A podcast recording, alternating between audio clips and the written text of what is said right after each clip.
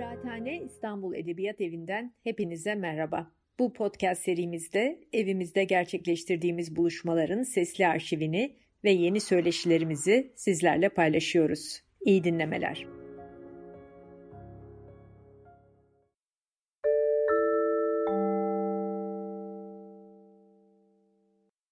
Herkese merhaba, herkese iyi akşamlar e, diliyorum. E, Kıraathane İstanbul e, Edebiyat Evi platformunda e, bir şiir gecesinde e, tekrar sizlerle birlikte olmanın hem mutluluğunu hem de heyecanı içindeyim, içindeyiz. İzleyicilerimiz yakından bilirler. Aslında biz bu şiir gecelerini Kıraathane'nin tezinde yapıyorduk ve o yüzden sizlerle canlı bir şekilde yüz yüze buluşuyorduk. Ama pandemi koşulları içerisinde e, tekrar e, yine yüz yüze e, gelmiş olduk. Bu bu sezonun ilk e, etkinliği e, olacak. E, hepinizin çok sevdiği ve yakından tanıdığı çok değerli bir e, şairimiz bu akşam e, şiir gecemize e, onur katacak. E, kendilerine huzurlarınızda e, tekrar teşekkür ederim.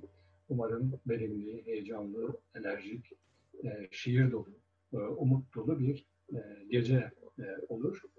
E, bu vesileyle e, bize e, hem şahsıma hem şiir severlere hem de Türkiye'nin e, şiir edebiyat ortamına e, gerçekten yenilik ve e, soluk getiren Kıraathane İstanbul Edebiyat Evi'ne ve onun çok kıymetli yöneticisi e, Sayın Yasemin Çongara ve çok değerli e, çalışma arkadaşlarımız Özgün ve Yasemin'e e, sizlerin adına ve kendi adıma çok teşekkür ederim. Evet, e, konuğumuz e, bildiğiniz gibi sevgili e, Tuğrul e, Tanyol. Kendisine sorularımız olacak. E, Tuğrul, Tan, Tuğrul Tanyol'un şiirlerini okuyacağız. Ben de okuyacağım. Lütfedip uygun görürse kendisi de okuyacak. Ve ben izninizle e, bir e, Tuğrul Tanyol e, şiiri okuyarak e, şiir gecemize izninizle başlamak istiyorum. Geyikli şiir. Adam toprağa geyik resimleri çiziyordu. Biz ondan korkuyorduk. Çünkü geyikler bize benziyordu. Ah, benzetme diyorduk. Gözlerimiz böyle şaşkın, bir avcının dudaklarında beliren çın diye öten sesi, kadehin ve birden şarabın dökülüşü gibi. Uyanıyoruz. Bir düş ormanının ağaçlarını aralayıp bize bakıyor. Bir pencereden uzaklaşıyoruz. Gökyüzüne her şeyi görüyoruz. Damları ve akasyaları, parkları ve lambaları. Bir çocuk çemberine takılmış tepeler çıkıyor. Bir cam kırılıyor. Bir top sesi caddeye düşüyor. Kalabalık sokağa bakıyor. Sokak gökyüzüne. Parmak kaldırıp sessizce haykırıyorum. Bu adam bir geyik. Kendini çiziyor. Bu adam bir korkak. Gözlerini çiz, gizliyor. Bir tebeşir alıp başladığım yerden karalıyorum. Herkes evine dönüyor.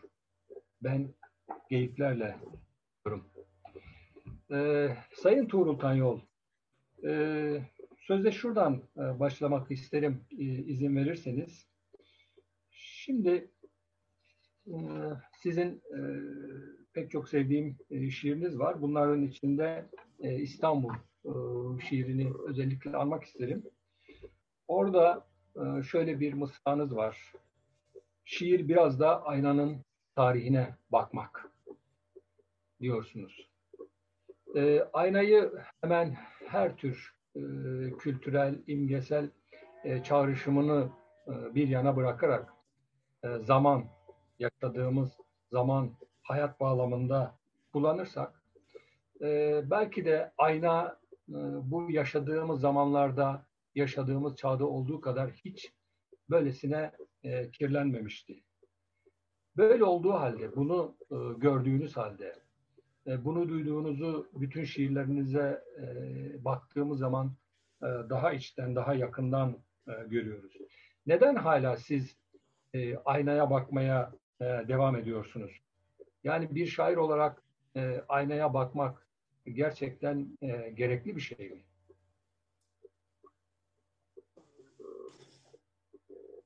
Ayna genellikle şiirde güzel bir metafordur. Ee, Birçok şeyi çağrıştırır. Yani değil mi? Ayna arkasında sır da kaplanmadığı zaman yalnızca bir camdır. Evet. Arkayı görürsünüz. Ona e, gizemini veren, bizim belki de şiirsel bulmamızı sağlayan şey arkada kaplı olan sırdır. Benim ilk şiirlerimden itibaren ayna e, cisim olarak, metafor olarak, e, sözcük olarak şiirlerimde e, çok sık geçmiştir. E, hep aynanın bir tarihi olduğunu düşünmüşüm. Yani baktıkça aynı aynaya bakarız yıllar boyunca. Gençlikten yaşlanmaya kadar. Ve hep bana şey gibi gelmiştir. Yani eski görüntülerimizin orada arka arkaya dizili olduğunu düşünmüşümdür.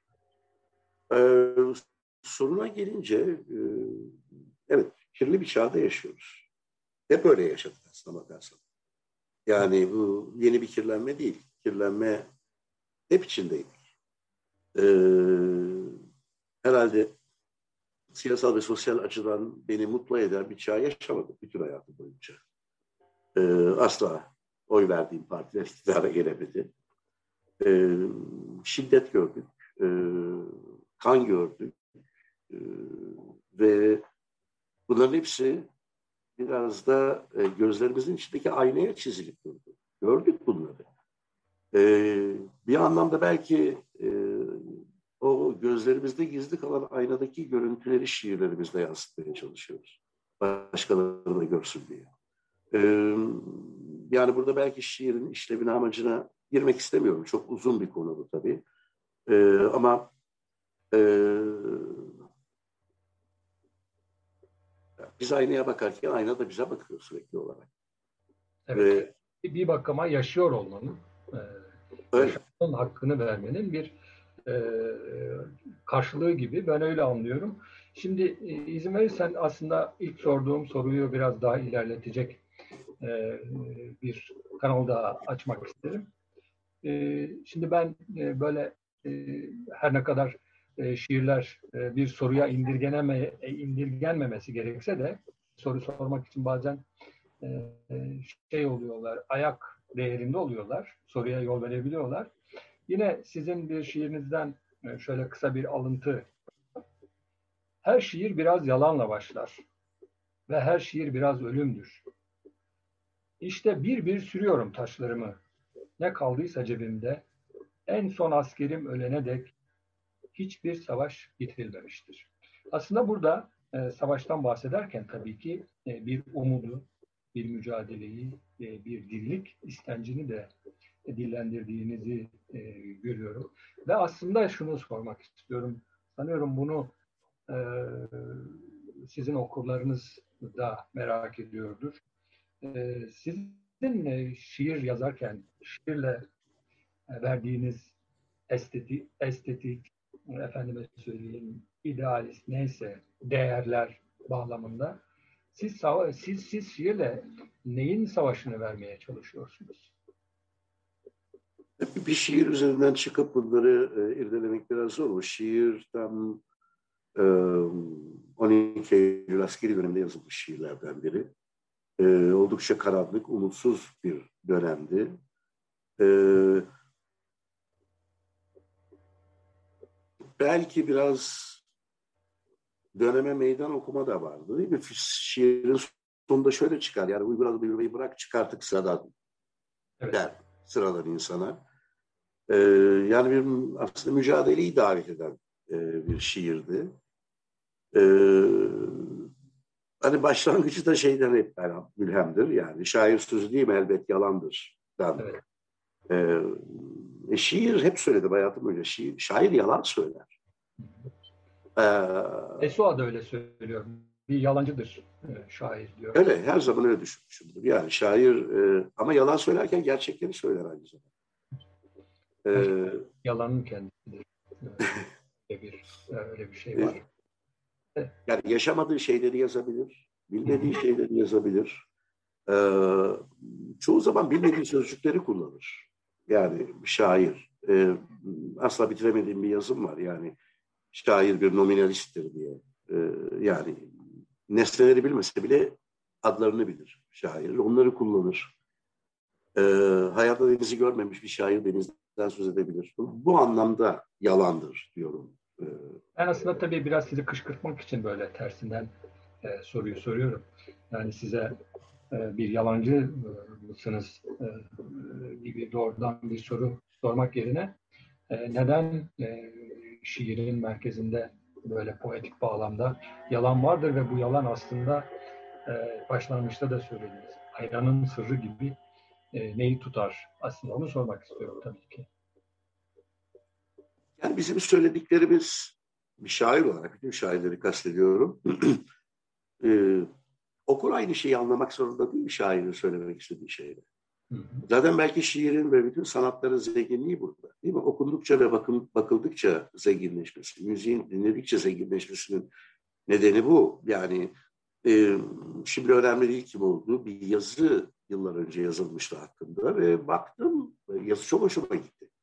Çünkü benim asla düşünmediğim şeylerden söz ediyorum şiiri yazarken.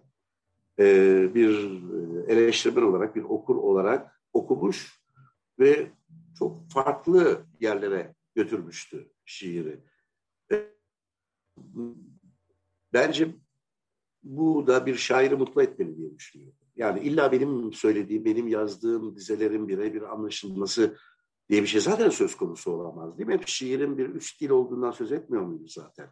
Yani gündelik, e, gündelik konuşmadan farklı bir e, düzlemde e, söz söylediğimiz. Dolayısıyla bu zaman zaman sizin istediğiniz gibi algılanabileceği gibi hiç beklemediğiniz biçimde de algılanabilir. Ve sanıyorum şiir okuru ne kadar eğitimliyse şiir okuma konusunda o kadar çok çağrışıma açık oluyor. Ee, iyi şiir okuru olmayanlarsa genellikle çok basit ve anlaşılır şiirleri tercih ediyorlar. Evet. Ee, peki burada sizden bir şey rica etsem. Ee, bize bu güzel yalanlarınızdan birini sunar mısınız? Bize bir şiirinizi okusanız. Ee, sonra Peki. devam etsek. Ee, şöyle yapalım. Bu bir önce yayınlanan yani 10. kitabımdaki e, ansızın yazılan bir şiir. Son şiir. Burada, burada izleyicilerimiz görebilir. Ee, dilerseniz e, müjdeyi de verelim. Tuğrul Tanyol'un yeni şiir kitabı eli kulağında. Ya bugünlerde e, okurla buluşacak ama ondan önceki son kitabı Ansızın Yaz'dan e, Tuğrul Tanyol bize şiir okuyacak. Buyurun. Zamanın geçişini duyuyorum. Zamanın geçişini duyuyorum. Kulağa fısıldanan bir söz gibi. Tek bir yaprağı bile kıpırdatmadan geçen rüzgar gibi.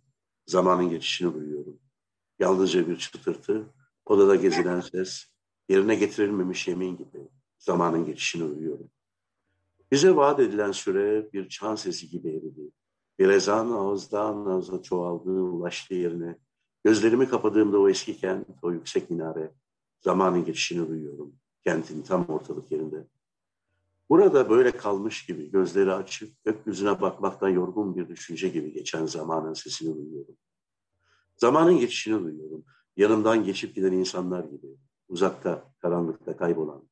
Tanıdık bir ses dikeni, kimi bir daha duyulmayacak bir anın sürtünmesi, boşluğa sallanan el, bir veda bilmecesi gibi geçen zamanın sesini duyuyorum. Yaralı kentim benim. İçinden geçen zamanı duyuyor musun sen de? Ayasofya'dan taş atımlık mesafe, Fatih'e ulaşan rüzgar ve oradan nereye gittiği belirsiz bir zamandı. Yaşadık biz de, yıkandık sularında, savrulduk bahçelerinde, bu alçak şey yağmadan hemen önce sana benzeyen bir düşünce gibi geçen zamanın sesini duyuyor musun? Zamanın geçişini duyuyorum. Islık çalarak ilerliyor umursamazca. Dokunduğu çocuk bir genç oluyor birden. Kendine şaşıran insanlar görüyorum aynaya uğrayan bakışlarda. Kimse girmiyor araya. Kimse sormuyor nereye. Zamanın sesi buluyorum. içimde gezinen ürpertiye. Zamanın geçişini duyuyorum. Biliyorum herkes farklı bir sesle duyar bunu. Farklı bir renkle, bir tat belki, bazen buruk, içimizden asla kopup gitmeyecek bir duygu, bir ilk aşk endişesi gibi göz pınarlarını zorlayan zamanın geçişini duyuyorum. Zamanın geçişini duyuyorum. Nereye gittiğini bilmiyor kimse. Zamanın geçişini duyuyorum. Kapımı açıyorum. Deniz doluyor içeri. Çok teşekkür ederiz. Aslında bu seçmiş olduğunuz ve büyük bir tatlılıkla ve güzellikle okuduğunuz şiir benim size yönetmek istediğim soruya daha da imkan vermiş oldu. Şimdi günlerdir sizin bütün şiirlerinizi, şiir kitaplarınızı notlar alarak üzerinde düşünerek okuyorum. Bir şey dikkatimi çekti. Yani aslında bunu pek çok hemen hemen her yetkin şairde görüyoruz. Şair gitgide böyle sözü azaltmaya ve daha yalın bir söyleyişe yol aldığını, oraya doğru evrildiğini görüyoruz. Ben benden tecrübeli ve daha da değerli bir şair olarak size şunu sormak istiyorum.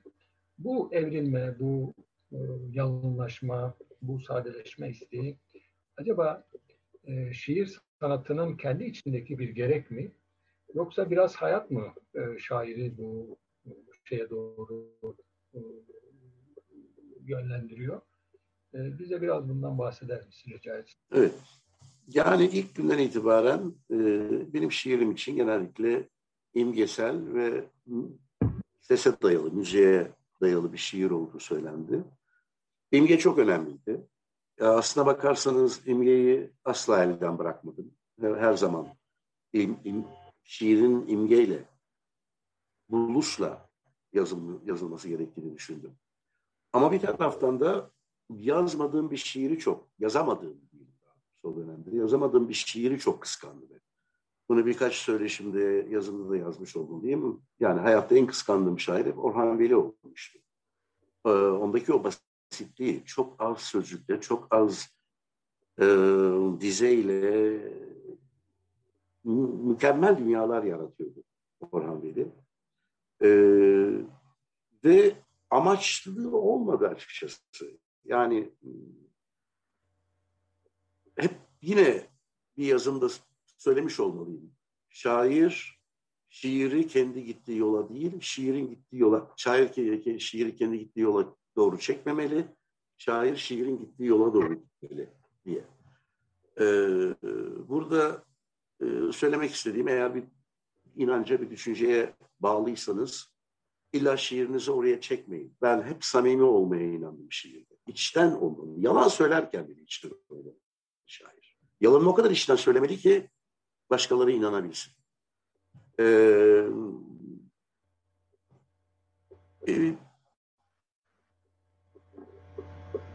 kendimle ters düşen bir yola da gitti daha sonra. Düşünce barındırmaması, daha da söylediğim, şiirin düşünceye pek yer vermemesi gerektiğini söylerdim ilk zamanlar.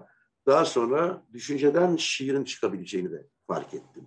Şiirin belli bir yaştan sonra bir imaj, imge ya da bir ses, sözcüklerin ses bütünlüğü olarak değil, bir düşünce olarak gelmeye başladığını, en azından bana öyle gelmeye başladığını fark ettim. İşte o noktada zannediyorum yalınlaşma başladı. Ee, bu birçok eleştirmen, birçok e, dostum, şair arkadaşım tarafından da dile getirildi. Bu beni çok mutlu etti. Yani e, onlar da e, gördüler bunu çok kısa zamanda.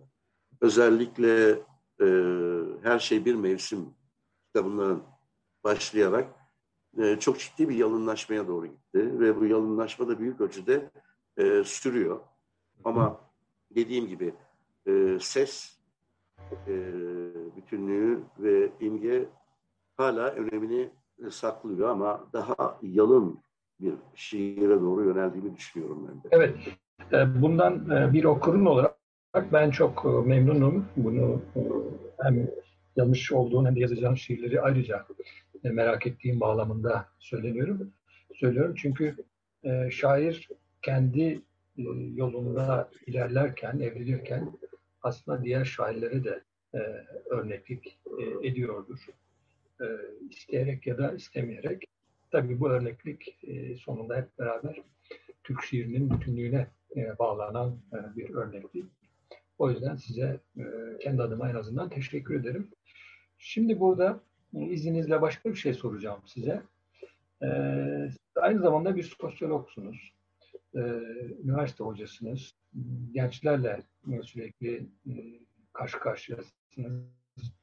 E, onlardaki değişimi, e, dinamizmi de yakından gözlemliyorsunuz. Çünkü e, Türkiye toplumunun e, her bağlamda aynası gibi e, şeylerimiz, e, gençlerimiz. Ve e, siz bu sosyoloji bilgisini ya da sosyoloji gözünü e, şiirlerinizde okurun gözüne sokmuyorsunuz.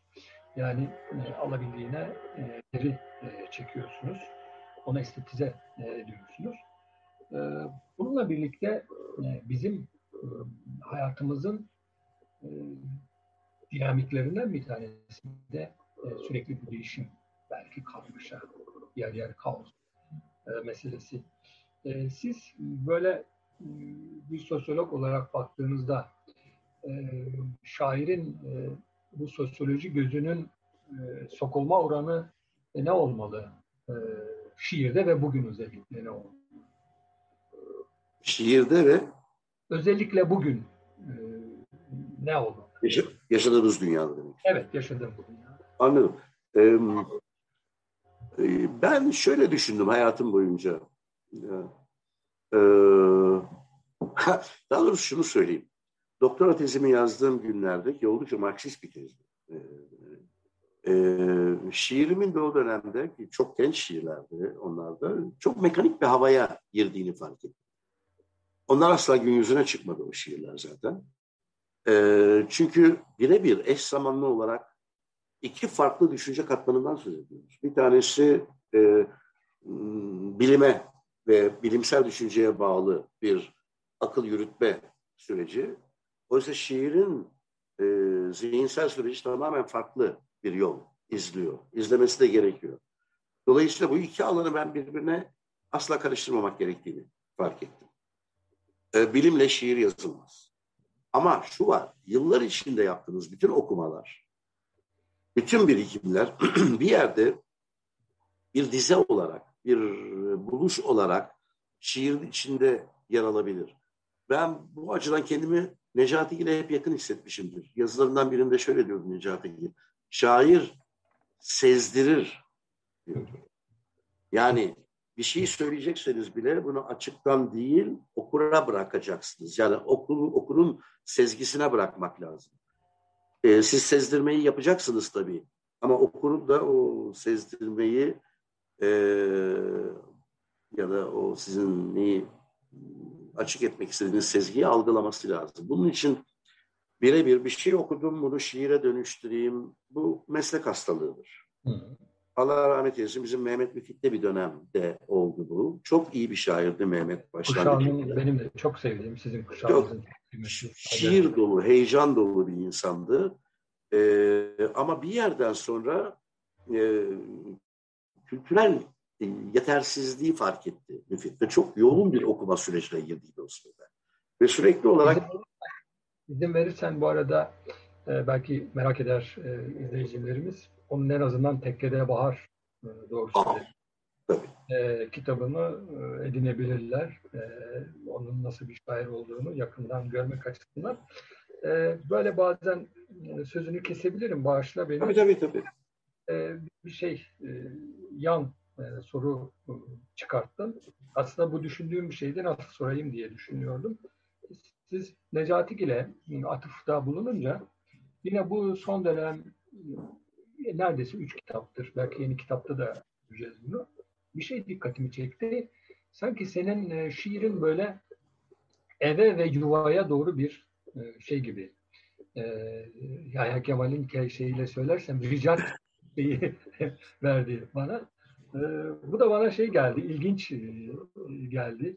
Sanki evden e, biraz böyle kaçmış yaramaz bir çocuğun e, kendi dönmesi gibi. Bu, bu güzel bir şey tabii, çok iyi bir şey. Belki buna bağlı olarak da bir şeyler söylemek istersin. Yani tabii e, her şey bir mevsimle başladı. O kitapta, o kitaba giren şiirler büyük ölçüde e, benim için otobiyografik şiirlerdi. E, yani kendi hayatımı e, anlatan, zaman zaman e, hayat ve ölümle hesaplaşmaya başlayan, daha çok aslına bakarsan zamanla hesaplaşmaya başlayan, zaman her zaman benim şiirimde önemli motiflerden biri olmuştur ama e, gerçekten anlamını fark ediyoruz. Hiç unutmuyorum Turgut Uyar'la bir gün konuşuyorduk. İlk kitabımı vermiştim. Okumuştu elinden e, tutun günü. Buluşmamızda şöyle dedi Turgut abi bana. E, ya Tuğrul dedi okudum kitabını. Çok güzel şiirler bunlar dedi. Eline sağlık dedi. Sonra durdu. Fakat kardeşim ne çok ölüm vardı. Yani ölüm, ölüm, ölüm, ölüm bütün kitap dedi. Sonra durdu. Gerçi dedi ölüm dedi gençlikte kolay yazılır. Benim yaşıma gel bak ölüm lafını bir daha edebilecek misin demişti. E doğru. Çünkü gençlikte bir söz, biraz önce dediğim gibi yani ölüm sözcüğünü bildiğimiz için kullanıyoruz bunu. Aslında gerçekten çok uzak bize gençken. Dolayısıyla duymuyorsun. Belli bir yaşa, tabii belli bir yaşa geldikten sonra e, artık yaşayabileceğin zaman, yaşadığın zamana oranla azaldığını hissetmeye başladığında birdenbire bazı sözcükler gerçekten anlam kazanmaya başlıyor. Bunlardan bir tanesi ölüm, zaman e, ve bunlarla hesaplaşmaya başlıyor şair gibi geliyor bana. Kimi şairlerimiz çok genç öldü. Yani şimdi ikinci yeni şairlerinin temsilcilerine bakıyorum. Hepsinden yaklaşık 10 yaş büyüğüm şu anda ben. Yani e, 59-58 yaşlarında 60'ı bulamadan ölüp gittiler. Acaba yaşasalardı daha şiirleri nereye giderdi? E, bunu bilmemiz artık mümkün değil. Onu e, kestiremeyiz. Biz hani onları e, Ergin Günçe hariç e, evet. devam ettirenlerden e, e, eserlerini tamamlamış, kendilerini tamamlamış. E, öyle, e, öyle kabul ediyoruz. Tabii. E, görüyoruz. E, şimdi bir şey daha sormak isterim. E, ben kişisel olarak böyle e, kategorize etmelere çok e, sıcak bakan birisi değilim. E, ama biz istesek, de istemesek de söz bir şekilde buraya da bağlanıyor. E, bağlamı doğru kurduğumuz sürece bir e, şey yok. E, şimdi bu, dönemde e, Türk şiir ortamı neredeyse hiç tartışmıyor. E, meselesiz gibi e, tartışmayan, şey üretmeyen, bağlam üretmeyen, sadece yazan bir yazmakla geçiştirilen bir şey içindeyiz hepimiz. Sen de, ben de bunun içindeyiz. Ben de bundan son derece şikayetçiyim. E, fakat e, siz, sizin dahil olduğunuz kuşak bu anlamda sanki biraz daha tartışan, e, biraz daha şiirin meselelerini e, merkeze alan e, bir e, kuşaktı. E, sanıyorum e, özellikle 70'li yıllarda bir şekilde kuruyan, kurutulan e, has şiirin e, süreyi e, sizin tarafınızdan e, bir bakıma karşılanmıştı. E, emanet alınmıştı. Bu karşılamanın e, bugünkü karşılığını genel şu andaki Türk şiirinin manzarasını düşündüğümüz zaman e, nasıl gözlemliyorsun? E, ne görüyorsun? Ya işte biz 80 kuşağı olarak e, böyle böyle şeyleri mesele edindik, dert ettik, şu dergileri çıkardık, şu kitapları e, çıkardık. İşte şu şairler, şu konular üzerine yazdık. Ama bugün bakıyorum ki e, yani boşuna mı, beyhude mi yaptık bunları ya da iyi ki bunları yapmışız çünkü, çünkü şu şu e, izlekleri, şu şu meseleleri görüyorum e, diyebileceğiniz bir şey var mı? Ne düşündüğünüzü merak ediyorum açıkçası. Bir 80 ee, kuşağı olarak. Evet, o 80 kuşağı tanımlamasını da pek sevdiğimi söyleyemem ama... Sevmediğimi söyledim ama evet. konuşmak. Ee, şöyle diyeyim, yani e, 80'de bir kırılma yaşandı. Ciddi bir kırılma yaşandı. Ee, askeri darbe ve arkasından gelen yasaklar, şu bu bu.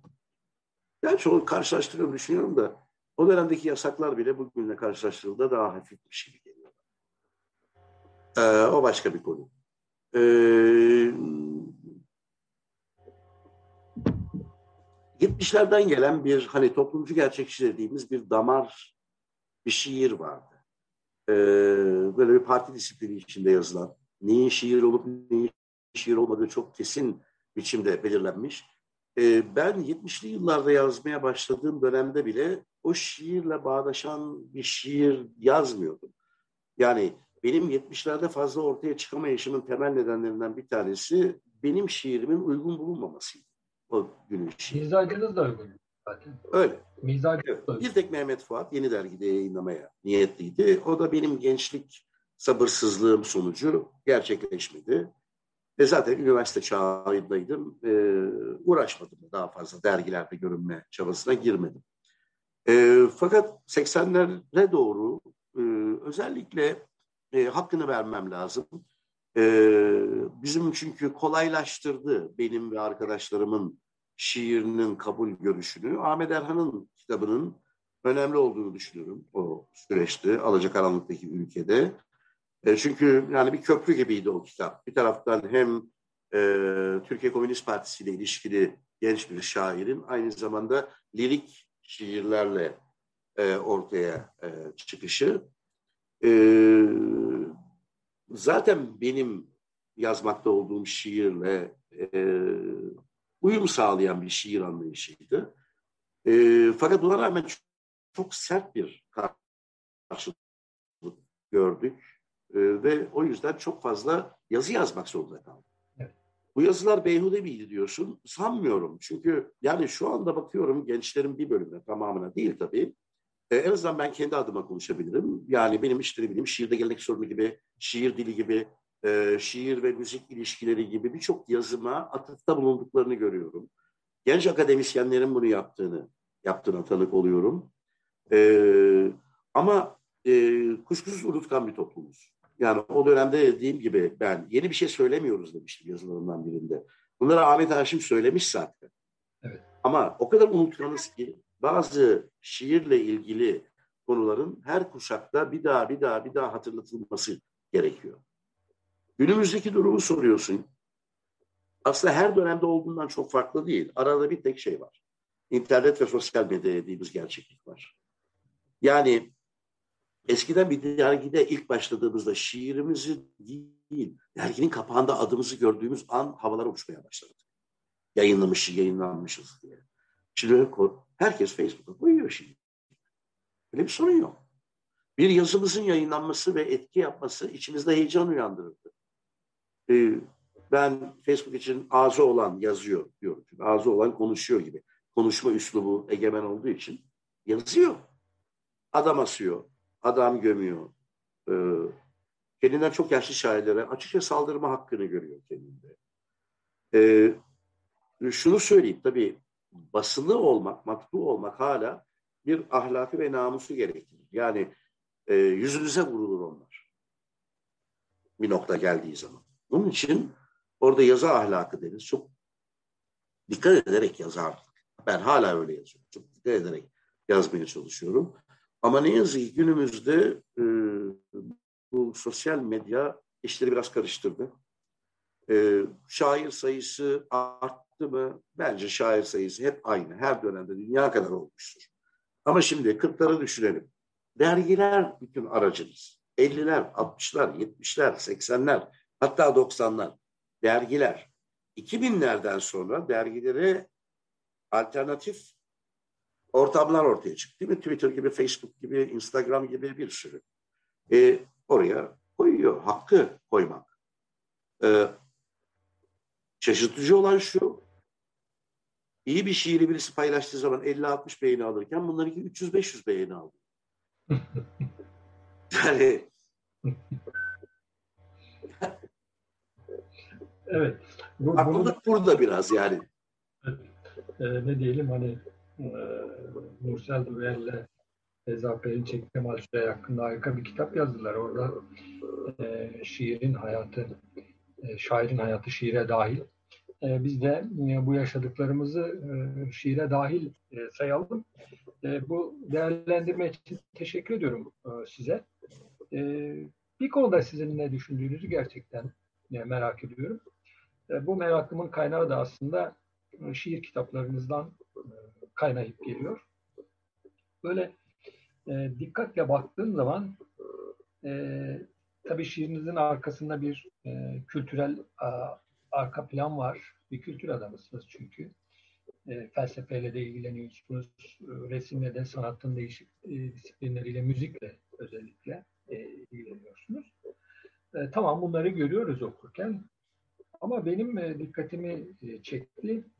e, bütün bu literer olan şeyler yani kültürel olan şeyler sanki hayatın ve yaşamanın eleğinden geçirilerek, süzülerek e, şiire yansımış gibi. O bağlamda e, şairin yaşantıyla yaşayarak e, şiire gitmesi meselesinde kendinizden hareketle çok özel olmazsa örnekler de verebilirsiniz. E, demin söylediğim gibi artık e, buna benzer şeyler pek konuşulmuyor. E, biraz bu şiir ve yaşamak, yaşantı e, konusunda e, neler hissettiğinizi, neler düşündüğünüzü size sormak isterim. Buyurun. Ee, biraz önce de söylediğim gibi e, yaptığımız bütün okumalar, eğer çok sadece şiir okumasından bahsetmiyorum. Tabii ki bir şair çok iyi bir şiir okuru olması gerekiyor. Yani e, çünkü yazdığımız şiirin ölçütü nedir? Neyle karşılaştıracağız? İyi bir şiir yazdığınızı size hissettirecek olan duyguyu kazanmanızı sağlayacak olan şey ne? Şiir okuması tabii. Yazdıklarınızı daha önce yazılmış olanlarla karşılaştırıyorsunuz. Ee, dolayısıyla bütün bu okumalar, bütün yaşanmışlıklar bir biçimde şiire süzülüyor bir yerden sonra. Birebir felsefe yapılmaz şiirde, birebir sosyoloji sorunları çözülmez şiirde. Aslına bakılırsa belki e, yazdığım şiirle yaşamım arasında belki tezatlar olduğunu düşünüyorum zaman zaman. Neden? Ee, Neden? Yani ben de mesela pastoral ve kır temaları oldukça çoğunluktadır. Hı hı. Ee, e, çimenin üzerine oturmayı sevmem. Yani ben ben kent adamıyım. Hı hı. Kentin ortasında yaşamayayım. Metin Celal güzel bir yazı yazmıştı 30 yıl kadar önce. Buna değiniyordu. Yani e, çok güzel anlatır kır, yaş, kır, kır yaşamını, bir dereyi, ağaçları ama bir su kenarında oturmuşluğu yoktur diye. E, ben kentliyim. Kent yaşamını seviyorum. E, kavram olarak kır hoşuma gidiyor. Yani düşüncesi çok hoşuma gidiyor. E, hani kar, yağ, kar yağışını çok seviyorum ama sokağa çıkmayıp camın arkasından seyretmeyi tercih eden insanlardanım ben. Ne de güzel yağ yok. Ama soğuk. Pek dışarı çıkmayayım. Yani burada huzur içindeyim. Ee, aynı zamanda teknolojiye çok düşkün olduğumu belki biliyorsundur. Yani e, daha 93-94 yılı internet başladı. Ben kullanmaya başladım. Ee, bilgisayar şirketlerine danışmanlık yaptım. Ee, öğrencilerim yazarlarda iki sözcüğe yani hepimizden daha iyi bilir. Yani bilgisayarında 4-5 işletim sistemi vardır filan diye. Aynı zamanda ne bileyim işte hi-fi'ye çok düşkünüm. Müziğe düşkün olmam nedeniyle. Ee, bunlar beni böyle daha teknolojiye dönük bir adam gibi ama benim şiirlerde teknolojik herhangi bir şey bulamazsın yani bir uzantı bile bir değini bile yoktur. Bu açıdan belki diyorum yani e, şizofren bir yapıya sahibim. Yani yaşantımla şiirim arasında çok uyuşmaz noktalar var. Ama senin de değindiğin gibi son dönemde e, yani hayatımla ilgili şiirler ağır basmaya başladı. E, başkaları seviyorsa eğer sevdirmeyi başardıysam o şiirleri biraz da e, herkesin kendi hayatlarından bazı ortaklıkları onlara hissettirmiş olmalıyım diye düşünüyorum. Şimdi bir yani şey soracağım. Evet, bir şey soracağım. Ee, buna cevap vermek zorunda değilsin. Ben de e, böyle e, senin şahsını doğrudan böyle senin özel hayatını, psikolojini deşmek için sormuyorum. Ama e, zaten şiirinde bunun ipucunu vermişsin. Hani eve yuvaya dönmek, işte yalınlaşmak e, meselesini konuşurken e, bir şiiri ortaya çıkarıyorsun. O bana çok ilginç geldi. Yani hani bir yazı yazsam o konuyu tartışırım diye düşündüm. Annenize yazdığınız ama e, yıllarca sakladığınız, okumadığınız bir şiir ama tekrar anne üzerinden e, dönme e, meselesi. Bu da beni çok ilgilendirdi. E, yani bu artık e, siz e, kişilik olarak da kendi içerimizde e, pek çok e, hesaplaşmaları, ölçüleri, tartıları, hesapları tamamlamış, işte belli bir yalınlığa ulaşmış bir kişilik olarak baktığınız zaman yani şair nasıl oluyor da ve neden bu şeye geliyor, bu eşeğe geliyor? Ben onu merak ediyorum. Yani anne yeniden bir yurt, bir çıkış mı, bir dönüş mü, bir e, adeta dönmek Tabii yani annemin ölümü çok yani her çocuk için annesinin ölümü bence çok e, yıkıcı bir etkidir. E, ama e, annemi çok sevmeme rağmen belki yeterince sevdiğimi hissettiremedim kendisine diye bir üzüntü olmuştur işte. O üzüntü hissediliyor zaten. Evet. Yani evet. Daha çok aramalıydım. Daha çok yanında olmalıydım. Daha çok sevdiğimi belirtmeliydim gibi. Çünkü gerçekten annem yani sevdiği tek varlık ben. Yani gözünün içi gibi bakardı bana. Ee, dolayısıyla o şiir de çok 72 yılında 19 yaşındaydım herhalde o şiiri yazdığımda çok sevmişti. Ve her kitabımı almayışıma hep hayıflanırdı. O şiir girdi mi diye sorardı bana. Yok almadım. Çok acemi bir şiir anne o derdim. E, halbuki e, Yaşar Nabi Bey çok beğenmişti o şiir. Hatta varlık yılında yayınlamıştı o şiiri. 73 yılında olacak. E, nedense bana biraz zayıf gibi gelmişti hep. Ama tabii annemin ölümünden sonra o ağır bastı ve almak istedim bu dönemde çıkarttığım kitabı. Hatta onunla birlikte işte üç tane daha e, erken dönem sayılabilecek hiç yayınlamadığım şiiri daha aldım. Çünkü Adnan Özer sağ olsun ilk kitabı bayağı budamıştı çıkarken. Bunu at, bunu at, bunu da at, bunu da at diye. Hatta yayınlanmış şiirler de vardı. Bir daha da dönüp almadım o şiirleri zaten. Haklıydı bir ölçüde. Ee, böyle bilmiyorum yani. E, evet, ben şunu önemsiyorum e, Sayın Tuğrul Tanyol. E, bir duygunun düşünceye doğru yükselmesi e, meselesini. Şiirinizde onu gördüğüm için buna şeyde bulundum, e, atıfta bulundum. E, teşekkür ederim bu soruya cevap verdiğiniz için. Yine izniniz olursa, e, yanılmıyorsam, zaman zaman da büyük bir umutsuzluk içinde gördüm. Hmm, umutsuzluk şiirleri de var. Yani belki son kitaplarımızda biraz daha şey olarak kendisini baskın hissettiren bir şey bu. Burada benim sormak istediğim şey e, sizde bu umutsuzluk e, sert bir gerçekliğin karşılığı mı yoksa e, şairin umutsuzluk hakkı da var mıdır? Her ikisi de doğru aslına bakarsan. Şairin umutsuzluk hakkı tabii ki vardır. E, şair umutsuz mu olmalıdır? E, her zaman değil. Yani e, çok sevmiyorum bunu söylemeyi ama hani şair çağının tanığıdır sözü vardır. Ee,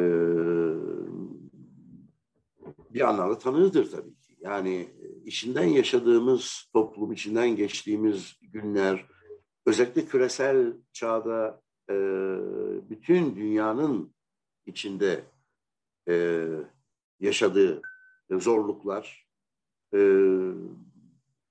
bırakın şairi insan olarak bizi etkilemesi lazım zaten. Bizi evet. tedirgin etmesi gerekiyor. Yani zulmü gördüğümüz yerde, açlığı gördüğümüz yerde, işsizliği gördüğümüz yerde, işkenceyi gördüğümüz yerde bir insan bunlara kayıtsız kalıyorsa ben ona insan demem zor. Bir şairin bunları görmeyişi ve hissetmeyişi zaten düşünülemez. Bütün bunlar zaman zaman umutsuzluğa götürüyor insanı. Çünkü bir şeyin değişmediğini görüyorsunuz. Daha iyiye gittiğini göremiyorsunuz. Ne Türkiye'nin ne de dünyanın. Bakın bir yıldır değil mi pandemi bununla e, bütün bir küresel bir gerçek olarak bunu e, paylaşıyoruz. Yani 90'ların başında küreselleşmenin şampiyonluğunu yapan insanlar ah ne güzel oluyor işte dünya bir bütün dünyaya dönüşüyor diyenler acaba bugün ne düşünüyorlar? Bu e, 30 yıl oldu değil mi tabii küreselleşme?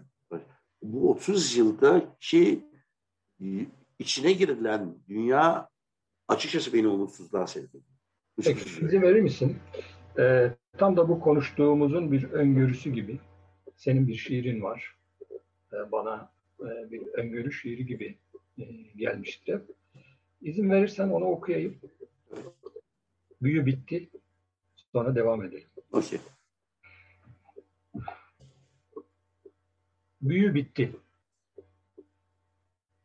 Büyü bitti.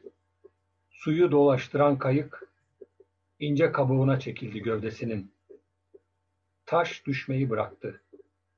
Meyve ağacında soldu. Kadın olamadan yaşlandı sevgilimiz. Büyü bitti. İşte deniz. Daha on dördünde ay bulutsuz bir gecede uykusuz bir adam gibi koşmada. Yıldız düşmesi bu. Ağacın yansıması kalbine düşen bir şey gibi. Sanki gibi, belki. Gibiydi ve bitti. Uyuyan uyandı ve görünmeyen görünür oldu. Ses yankısından korktu. Gölge sahipsizdi. Kartal avını buldu. Kızını alamayan bir tilki yavrusunun saklandığı yerde. Büyü bitti. Yaşlı adam kendine seslenen sese döndü. Orada genç olmanın umuduyla yeniden öldü. Işık, ışık bütün renklerine binlerce kez bölündü.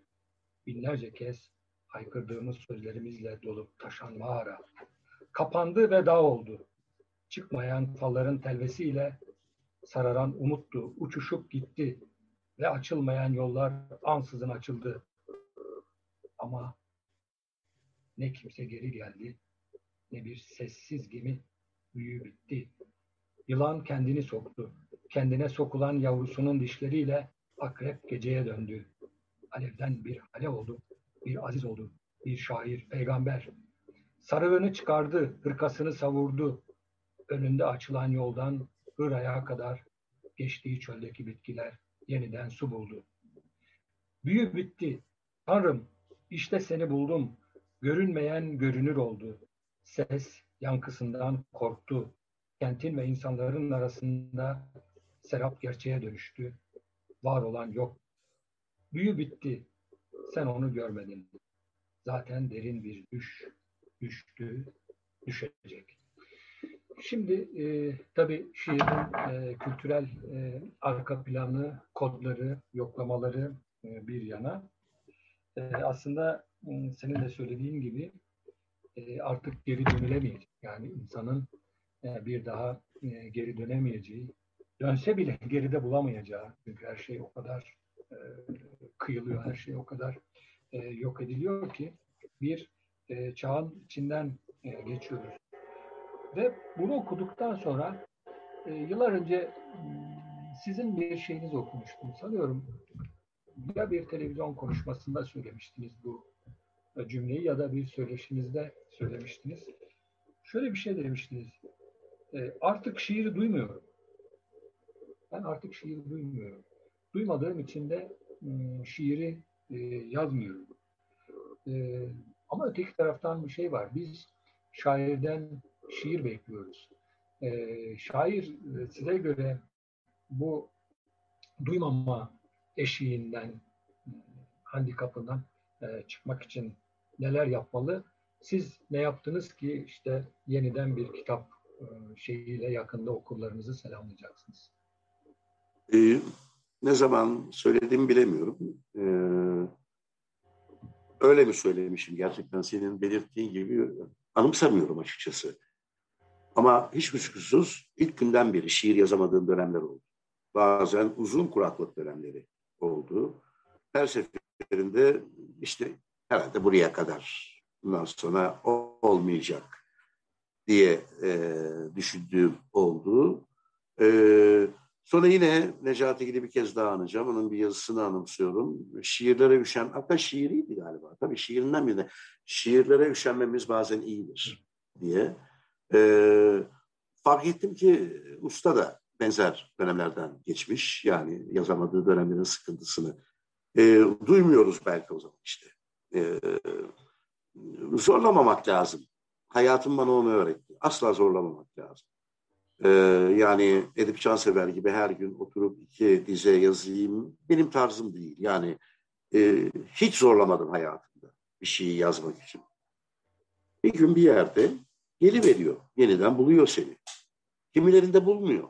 orada kalıyorlar. Ama emin ol okumaya dönmek lazım. Ee, ya da başka biçimlere yönelmek lazım.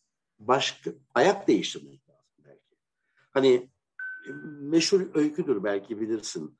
Ee, Rilke'nin e, şeyin e, sekreteridir Rilke neydi düşünüyorum. Rodin'in sekreteridir. E, ve bir gün gelir Rodin'e şey der yani ben yazamıyorum artık der. Duymuyorum yani olmuyor yazamıyorum. E, ne yapacağım? Rodin de ona e, nesnelere bakmasını söyler. Nesnelere bak der. O gün hayvanat bahçesine gider ve panteri izler saatlerce oturduğu yerden ve o eşsiz şiir çıkar. Eşsiz şiir çıkar. Yani nedir? Yöntemini değiştirmiştir. Rodin'in tavsiyesiyle. Ee, şair yazamadığı zamanlarda belki bunları yapması lazım. Ama dediğim gibi zorlamamak gerekiyor. Çünkü sırıtır hemen. Hep tekrar ediyorum. İçten olmak zorundayız. İçten olmak zorundayız. Yalan söylesek bile bunu içtenlikle söylemeliyiz. Evet. Ee, başka türlü olmaz. Ee, şimdi e, yine şiirinizi bütünüyle düşündüğüm zaman e, bir şey daha dikkatimi çekti. E, çocukluk, gençlik ve olgunluk. Dikkat ederseniz yaşlılık demiyorum. Çünkü o başka bir şey. Ama hakikaten yani bu çocukluk, gençlik ve olgunluk insanın bu üç halinin sürekli geçişkenliğini gördüm şiirlerimizde. E, ve size sormak istediğim şey şu. Şiir e, gerçekten insan hallerinin bir sanatı mıdır? Hiç düşünmedim. Ee, düşünmek lazım. İnsan hallerinin sanatı mıdır? E, kuşkusuz yani öyle olmalı. Olduğumuz bir dönemde bir sevinç şiiri yazmak mümkün değil. Ee, hep şunu derim, en güzel aşk şiiri aşk bittikten sonra yazılır. Ee, yani şair nostaljiyi sever, özlemeyi sever. Biten geçmiş bir aşkın anısını sever. Ben asla bir aşk çok yoğun yazı, yaşanırken şiir yazılabileceğini düşünmedim. Yani niye yazılsın ki? Yani çok aşıksan bir aşk şiiri yazmanın hiçbir anlamı yok. Ama o aşk bittikten sonra onu anmak muhteşem bir şey olmalı. Odur. Yani Elza'nın gözleri değil mi? Yani Aragon'a aşık mı? Hayır. Aragon eşcinsel. Elza başkalarıyla yatıyor. O şiir başka amaçla yazılmış. Ama muhteşem sanki yaşanıyormuş gibi bir aşk var orada. Yok böyle bir şey. Kainat paramparça oldu bir akşam üzeri. evet. Ee, şimdi e, hem e, e bir e, değerli şahidimiz hem de yakın bir dostum olarak e, bu paylaştığın şeyler için tekrar teşekkür ediyorum. Vaktimiz de dolmak üzere. E, uygun görürsen e, senden bir e, şiir e, dinlemek isteriz. E, sonra yavaş yavaş e, izleyicilerimize e, veda etme ve teşekkür etme vakti yaklaşıyor. Rica etsem bize bir şiirini daha okuyabilir misin lütfen? Tabii bu çıkacak olan kitaptan bir şiir okuyayım. Evet.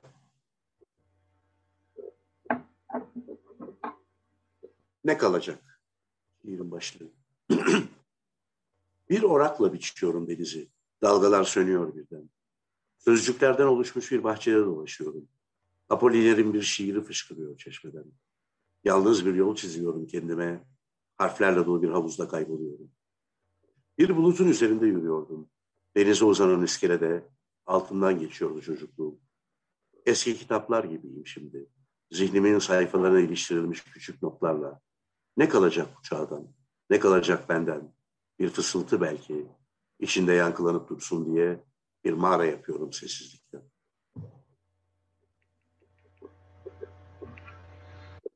Şimdi e, sanıyorum e, size yöneltilen bir e, soru var. E, soy ismi yok ama Sinem Hanım'dan gelen bir soru. E, şu sıralar dergilerdeki şiirleri okuyor mu? Genç şairler hakkında ne der? Aslında biraz bunun benim sorumda e, biraz değindiniz buna ama e, Sinem Hanım'ı cevapsız bırakmayalım. Evet, e, Tanyol şu sıralar dergilerdeki şiirleri okuyor mu? Genç şairler hakkında ne düşünüyor? Buyurun. E, elimden geldiğince e, okuyorum, izlemeye çalışıyorum. E, hatta çok genç bir şairi lanse etmeye çalıştım kitaplıkta geçen sene. Evet. E, Hüseyin'e, Hüseyin Dönmez'e. E, şimdi adını söylemeyeyim ama yeni girdiğim yayın evine yayınlaması için yine genç bir şairi önerdim. E, ikinci kitabı olacak o genç şairin. Tabii ki izliyorum. Yani e, izlemek mümkün mü? E, ama gençlere tavsiyem şu, dergileri zorlasınlar. Lütfen Facebook'ta yayınlamasınlar şiiri. Facebook'ta gördüğüm anda geçiyorum. Ben kendi hesabıma. Yani e, evet zor mu? Dergiler zor. Ee, ama gençler hala dergi çıkartmayı sürdürüyorlar. Fanzinler çıkıyor şunlar bunlar. Yani bir sürü şey var. Ee, ortam var. Arkadaşlıklar kursunlar. Facebook arkadaşlığı, Twitter arkadaşlığı olmasın. Yüz yüze. Birbirlerini tanısınlar. Birbirleriyle birlikte olsunlar. Düşünsünler şiir üzerine. Şiir yazmak yeterli değildir yalnızca. Şair şiir üzerine düşünmek zorundadır. Yani yoksa fazla davalarca olursunuz şiir üzerine düşünmezseniz. Yani benim için Türkiye'nin en cahil şairi olmuştur bazı davalarca. Bir kelime düşünmemiştir şiir. Yazmıştır. Diyorlar. Şair şiir üzerine düşünür. Cemal düşündü, Edip düşündü, Turgut düşündü, Orhan Veli düşündü, Oktay Rıfat düşündü, İlmi Yavuz düşündü. Herkes düşünüyor şiir üzerine. Çünkü Cemal Süreyya'nın bana söylediği bir söz vardı, bir zaman unutmam. Şairin şiir yazma nedeni kendi şiirini açıklamaktır. Şair çünkü kimsenin söylemediği şeyi söylemeye çalışıyor. Ben şunu yapmak istiyorum. Benim amacım şudur. Bunu yalnız genelleştirip söyler. Yani e, şöyle yapılmalıdır derken ben böyle yapıyorum demek istiyor aslında. Yani genç arkadaşıma söyleyeceğim şu izliyorum tabii. Herkesi izleyebiliyor muyum? Hayır. Ee, yaşlanan şairler biraz da şey beklerler. Kendilerine gönderilmesini beklerler. Dergileri ve şiir kitaplarını. Biz böyle yaptık. Götürdük, imzaladık, verdik. Dergilerimizi ilettik. Bizi görmelerini sağladık. Üst kuşakların. Ee, Valla ben çıkarttım dergiyi görmemiştim. Yani görmeyebilirim çünkü her gün kitapçıya inmiyorum.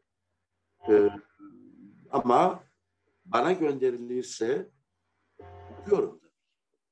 Ee,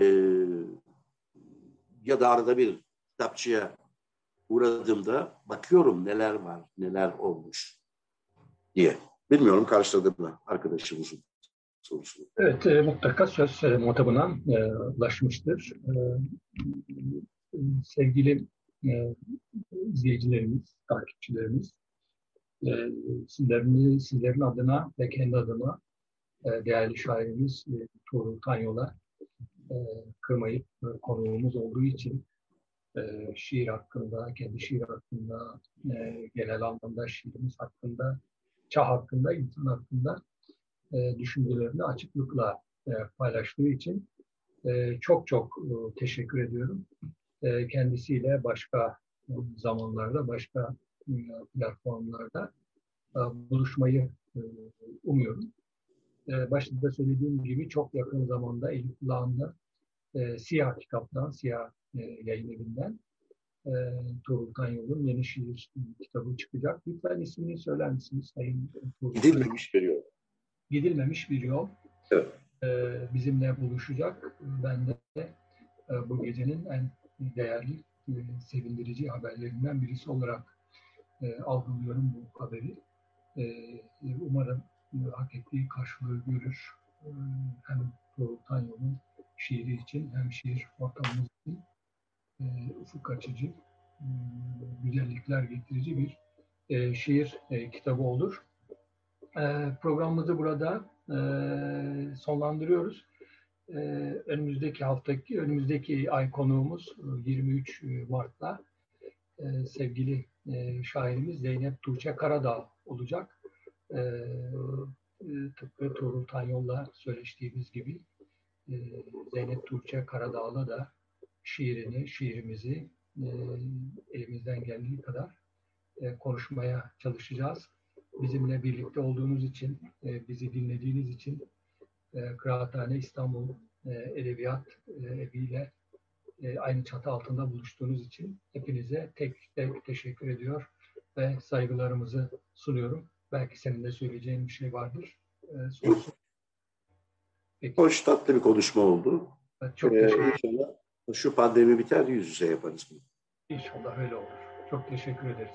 Teşekkürler canım. Çok çok ben teşekkür ediyorum. Herkese iyi geceler. Çok teşekkür ederim. İyi geceler.